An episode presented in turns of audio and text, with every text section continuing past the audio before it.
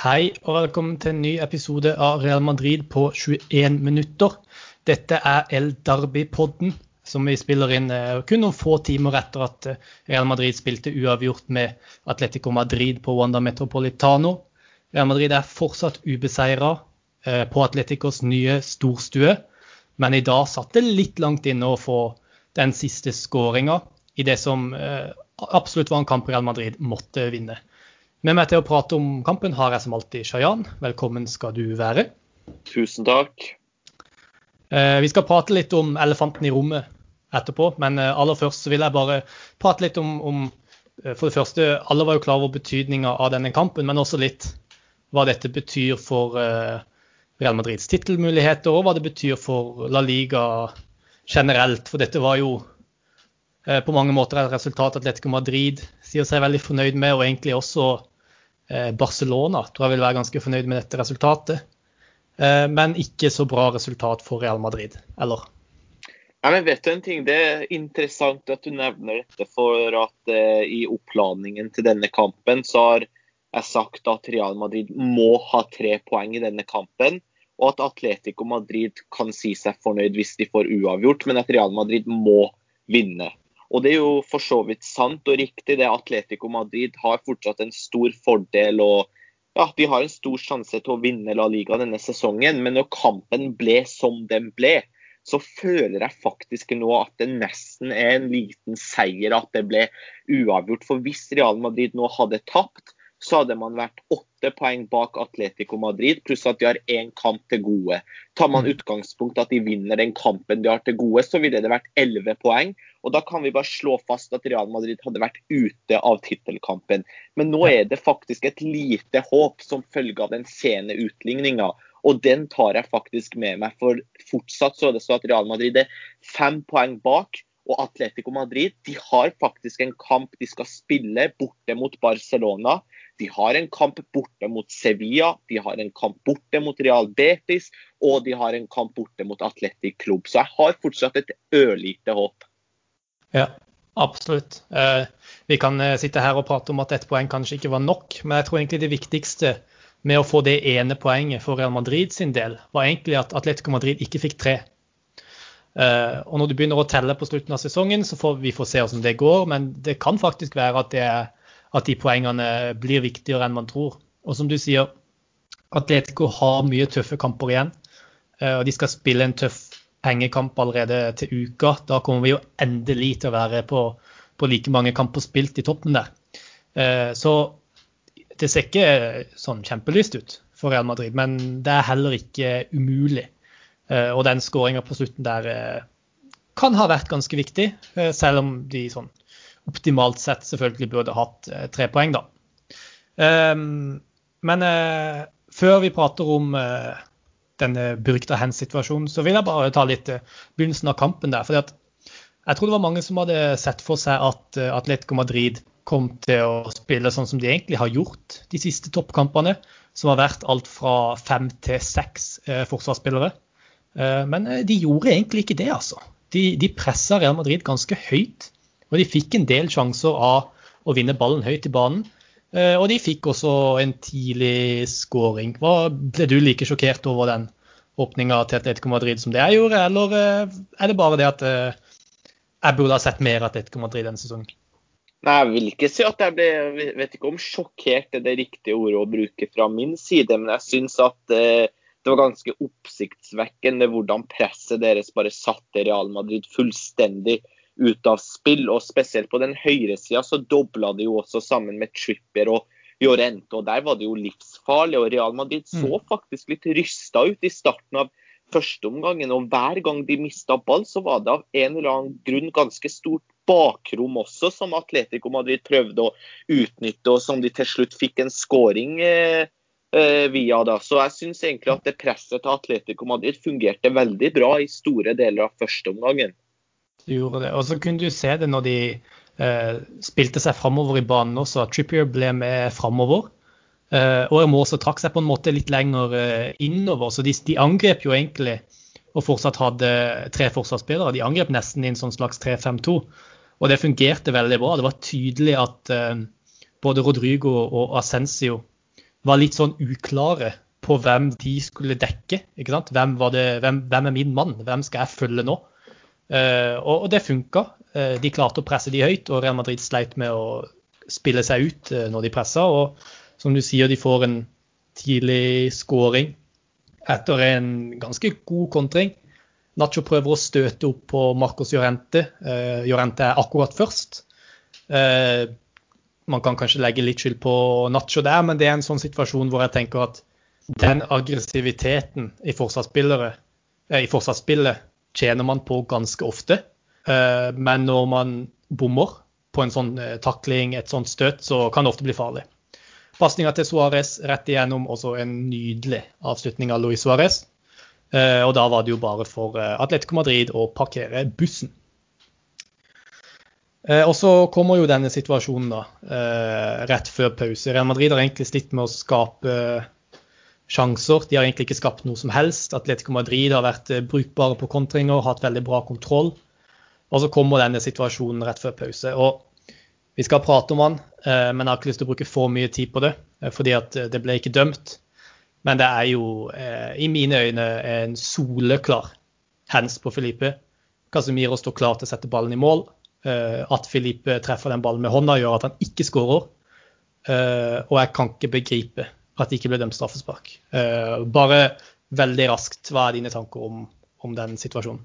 For meg så det også ut som eh, straffespark, men jeg gir opp den hands-regelen. Jeg føler at jeg ikke vet lenger hvordan dommerne dømmer og hvordan regelverket er, så jeg gir opp. Men jeg registrerer jo at, eh, at Zinedine Zidane sier at dommerne har en vanskelig oppgave, og at det ikke er lett for dem å ta beslutninger, og at man må godta det som blir gjort. Men så ser jeg også at eh, Emilio Botraguenio, som er direktør i Real Madrid, var rasende over den avgjørelsen. Så det er jo sånn som det alltid er i Spania.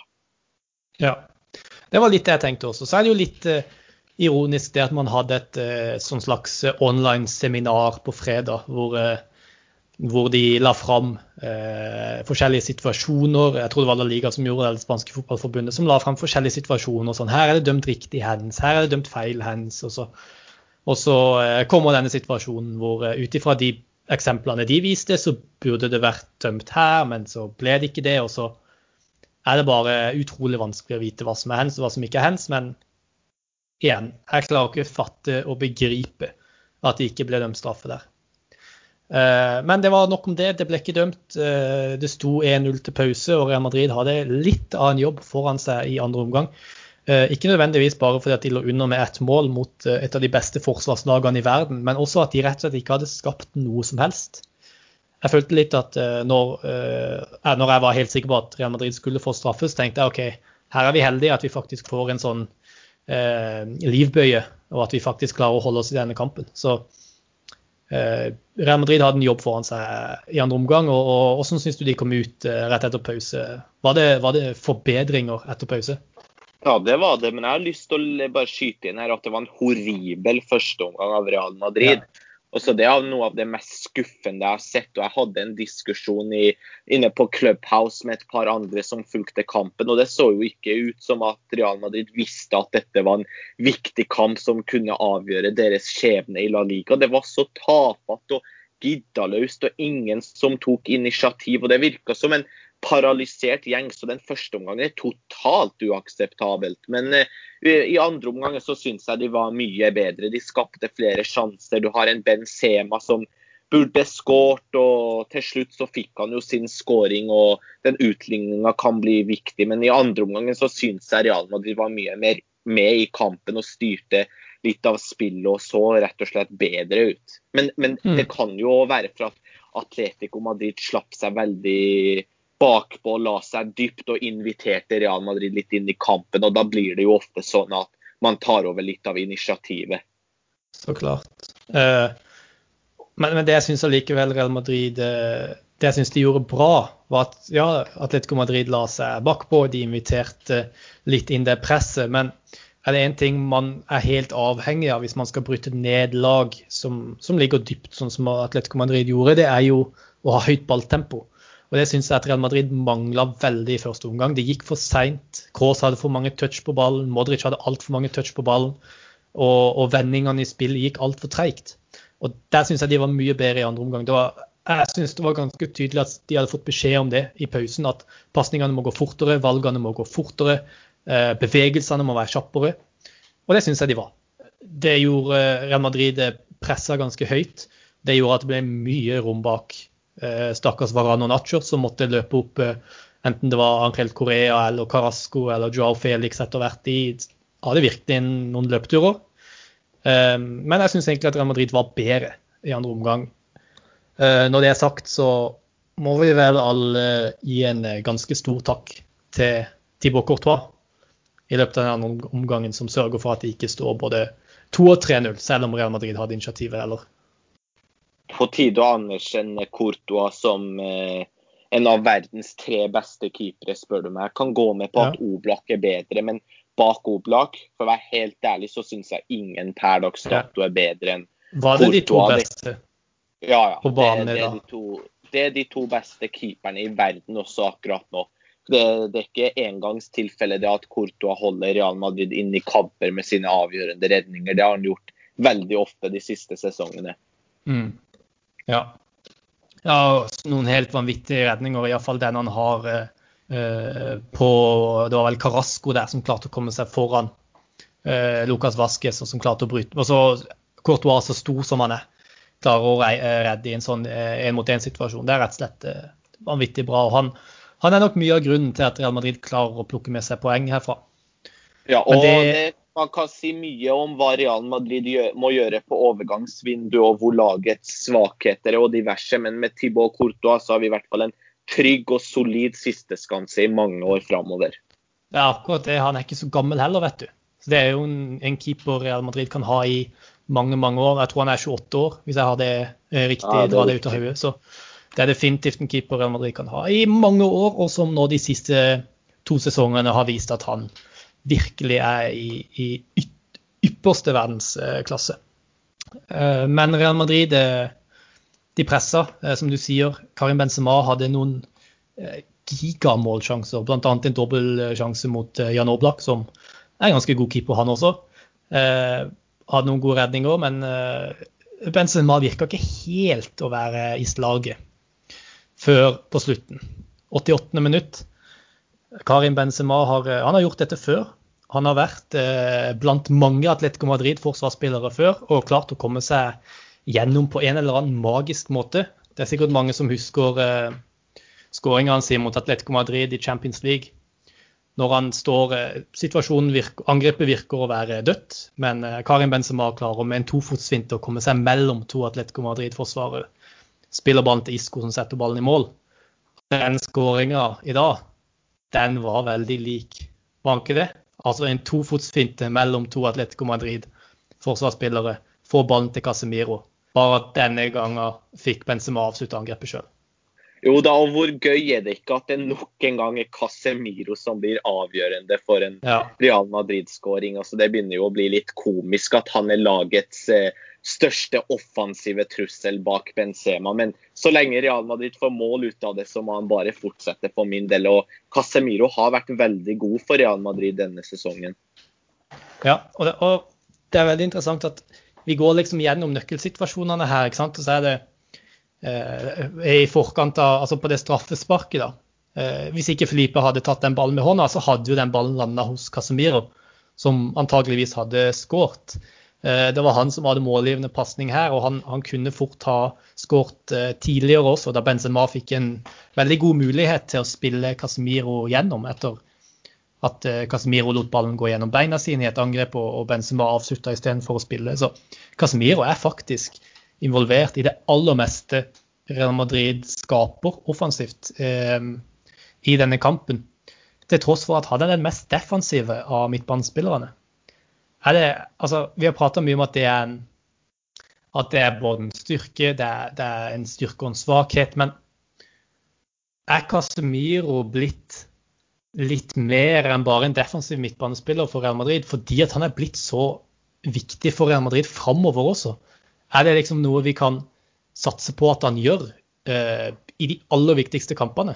Hva tenker du om det? Ja. ja. Ja, jeg syns egentlig det er både en styrke og ulempe for, eh, både en styrke og svakhet for Real Madrid. Det som er styrken, er at du kan alltid regne med at Casemiro er trussel offensivt på noe vis. Det være seg på dødball, eller at han plutselig kommer på løp i boks og får et innlegg, eller at han plutselig drar av fra distanse. Det skjer alltid ting rundt han, Men det som gjør at jeg syns det på en måte også er en svakhet, er at det sier jo, hvis vi skal være ærlige, så sier det egentlig mest om hvor tafatte og svake Real Madrid er offensivt, og hvor lite de offensive spillerne tilfører laget når det er Casemiro man må sette sin lit til. Så, så, egentlig så er det jo en positiv ting for Casemiro. Men det er ikke nødvendigvis bra for laget at de må være avhengig av at han skal gjøre ting av alle de har på banen for at Real Madrid skal skåre mål. Ja, og når du ser eh, Marco Ascencio og Rodrigo i dag, som altså knapt er borti ballen. Jeg syns Rodrigo kanskje er hakket bedre enn Ascencio fordi at han prøver litt mer. Eh, men Ascencio er jo Vi har prata mye om Ascencio, eh, og han har fått kritikk, fortjent. Men i dag så viser han igjen bare at han, han er jo ikke på, på, langt nær god nok per dags dato til å være en viktig del av dette Real Madrid-laget. Um, samtidig så må det jo også sies at sånn som Atletico Madrid spilte denne kampen i dag, uh, så var det veldig mange situasjoner hvor Rodrigo f.eks. hadde tre spillere rundt seg når han hadde ball, og da er det veldig vanskelig å gjøre noe uansett hvor god du er. Eh, men allikevel eh, langt ifra en god nok prestasjon fra lagets vinger i dag. Og det er ikke mye Benzema klarer å, å få til når han må gjøre det meste alene. Nei, og så vil jeg bare si at for å altså Til Rodrigos forsvar så har han nesten vært ute i tre måneder. og da jeg så eh, lagoppstillinga, så jeg, ble jeg jo egentlig litt overraska. For at han fikk et innhopp mot Real Sociedad, og det var liksom det han hadde å gå på før denne kampen. Så til hans forsvar så kan det jo være at han ikke var helt i kampform. Og Ascencio har vi vel prata nok om før, har ikke så mye mer å tilføre der. Nei, det var egentlig bare nok en kamp som beviser det vi har sagt om Ascencio tidligere. Men eh, ja, som jeg sa, jeg syns eh, Rodrigo var hakket bedre rett og slett fordi han hadde litt mer eh, akkurat som at han prøvde litt mer. Du så at han på en måte la litt mer i det. og det, det er jo godt å se fra Rodrigo, for vi håper at han klarer å komme seg i kampform så fort som mulig. Utover det, har du noen andre spillere du vil spesielt trekke fram, eller du vil gi litt ekstra ros, eller kanskje litt ris, eller? Nei, egentlig ikke, annet enn at jeg merker for hver kamp jeg ser at jeg savner Marcos Llorente mer og mer skulle ønske han aldri hadde dratt fra Real Madrid. Du ser at han har noen ja. fantastiske ferdigheter, og det jeg liker aller best med han, er kanskje det tempoet han har i beina også. Det går fort ja. når han kommer opp i fart. og Alt han gjør er så mye intensitet og trøkk i. og Alt han står for, mener jeg at Real Madrid faktisk savner per dags dato. Ja, ja du kan jo si det. Um, jeg var en av de som var veldig sånn for den, altså det salget når det skjedde. For jeg tenkte det var mye penger for en spiller som, som kom til å sitte på benken hos Real Madrid uansett. Eh, men det var jo fordi at vi så for oss han som en ren defensiv midtbanespiller. Han kunne ikke bekle noen flere roller enn defensiv midtbanespiller, men det er jo tydelig at eh, han har kvaliteter som gjør at han kan brukes i veldig mange andre posisjoner også. Han har jo blitt brukt som, som høyre midtbane, og til og med blitt brukt som spiss av, av Diego Simeone. Så det er åpenbart at han har kvaliteter Real Madrid godt kunne trengt. Og for å være helt ærlig så minner han meg litt om Federico Valverde på mange måter. Det, det trøkket, den intensiteten, eh, farta, ikke minst, skuddfoten. Eh, I mine øyne så er de litt sånn lignende spillere. Eh, er du enig i det, eller er jeg helt på tur her? Nei, jeg er helt enig med deg. Bare at um, Marcos Llorente nå kanskje har vist at han er litt mer anvendelig enn Fede Valverde. Han kan jo faktisk ja. spille bli trukket ned mm. som back, som anker, som midtbane, som en andre spiss. Men, men Christian, nå som vi har noen minutter igjen og vi har vært gjennom kampen, så tenkte jeg at vi kort kan, bare kan se litt framover nå når det gjelder La Liga og Champions League og Real Madrids situasjon. Og det er jo mm. at, sånn som jeg kan se her, så, så spiller faktisk Atletico Madrid denne midtuka mot Atletica, altså 10. mars. Klokka syv. Og det, jo, det, blir faktisk litt deilig at de får gjennomført den kampen, for da, vi, da blir vi ferdig med det at de hele tida har en kamp til gode. Så får vi egentlig ja. se hvordan tabellen faktisk blir. Så det blir litt deilig Endelig. å se kampen. Ja, ja, så det skal bli deilig å se Atletico Madrid Atletic der, så vi får se hvordan veien videre blir. Og så er jo faktisk Barcelona nå to poeng foran Real Madrid, og Barcelona ser ikke her hvem de skal spille mot neste runde. Men Real Madrid de skal i hvert fall spille mot Elche, og vi må vel regne med at de vinner den. Og så ser jeg nå faktisk at Barcelona har Uesca, så jeg regner med at både Barca og Real Madrid vinner sine kamper. Og så har jo Real Madrid da en returoppgjør mot eh, Atalanta. Hvordan ser du på de kampene man har i vente? Jeg tror at uh, I mine øyne så tror jeg at Real Madrid, det laget Zidane ser på La Liga litt som tapt. Um, men at uh, de alltid kommer til å si at de, de skal gi i alt i hver kamp. og Jeg tror jo de har lyst til å vinne hver eneste kamp, så jeg tror ikke de har liksom helt gitt opp håpet. Men i mine øyne så tror jeg de øyner uh, tittelmulighetene som størst i Champions League. Og jeg tror det er det de kommer til å satse på. Det er jo det som er på en måte satt som datoen for når Ramos kommer tilbake, for når Assad kommer tilbake. Jeg ser alarmen går, jeg skal bare gjøre ferdig poenget. Uh, så, ja, så jeg tror at det er Champions League de ønsker å gå for. Uh, og så skal de bare prøve å sanke så mange poeng som mulig i La Liga, og så får de se hvor det går. Um, det er iallfall mine tanker om det. Er du enig, eller tror du at det ligger mer i La Liga-mulighetene enn det jeg tror? Nei, jeg er helt enig, men i Real Madrids DNA så er det jo sånn at de skal vinne hver eneste kamp. Så jeg tror de kommer til å gi alt de har for å få til det og få en så bra tabellplassering som mulig. Og så tror jeg de innad nå fokuserer fullt og helt på å gjøre en god figur i Champions League. Enig. Yes, uh, takk for en uh, god prat, Shayan. Uh, jo, i like så. Vi fikk kanskje ikke det resultatet vi hadde håpet på, men det ble allikevel en, en artig kamp. Og vi fikk jo en nydelig skåring på slutten der, så det var veldig gøy. Takk til alle dere som hørte på. Og til neste gang, à la Madrid. À la Madrid.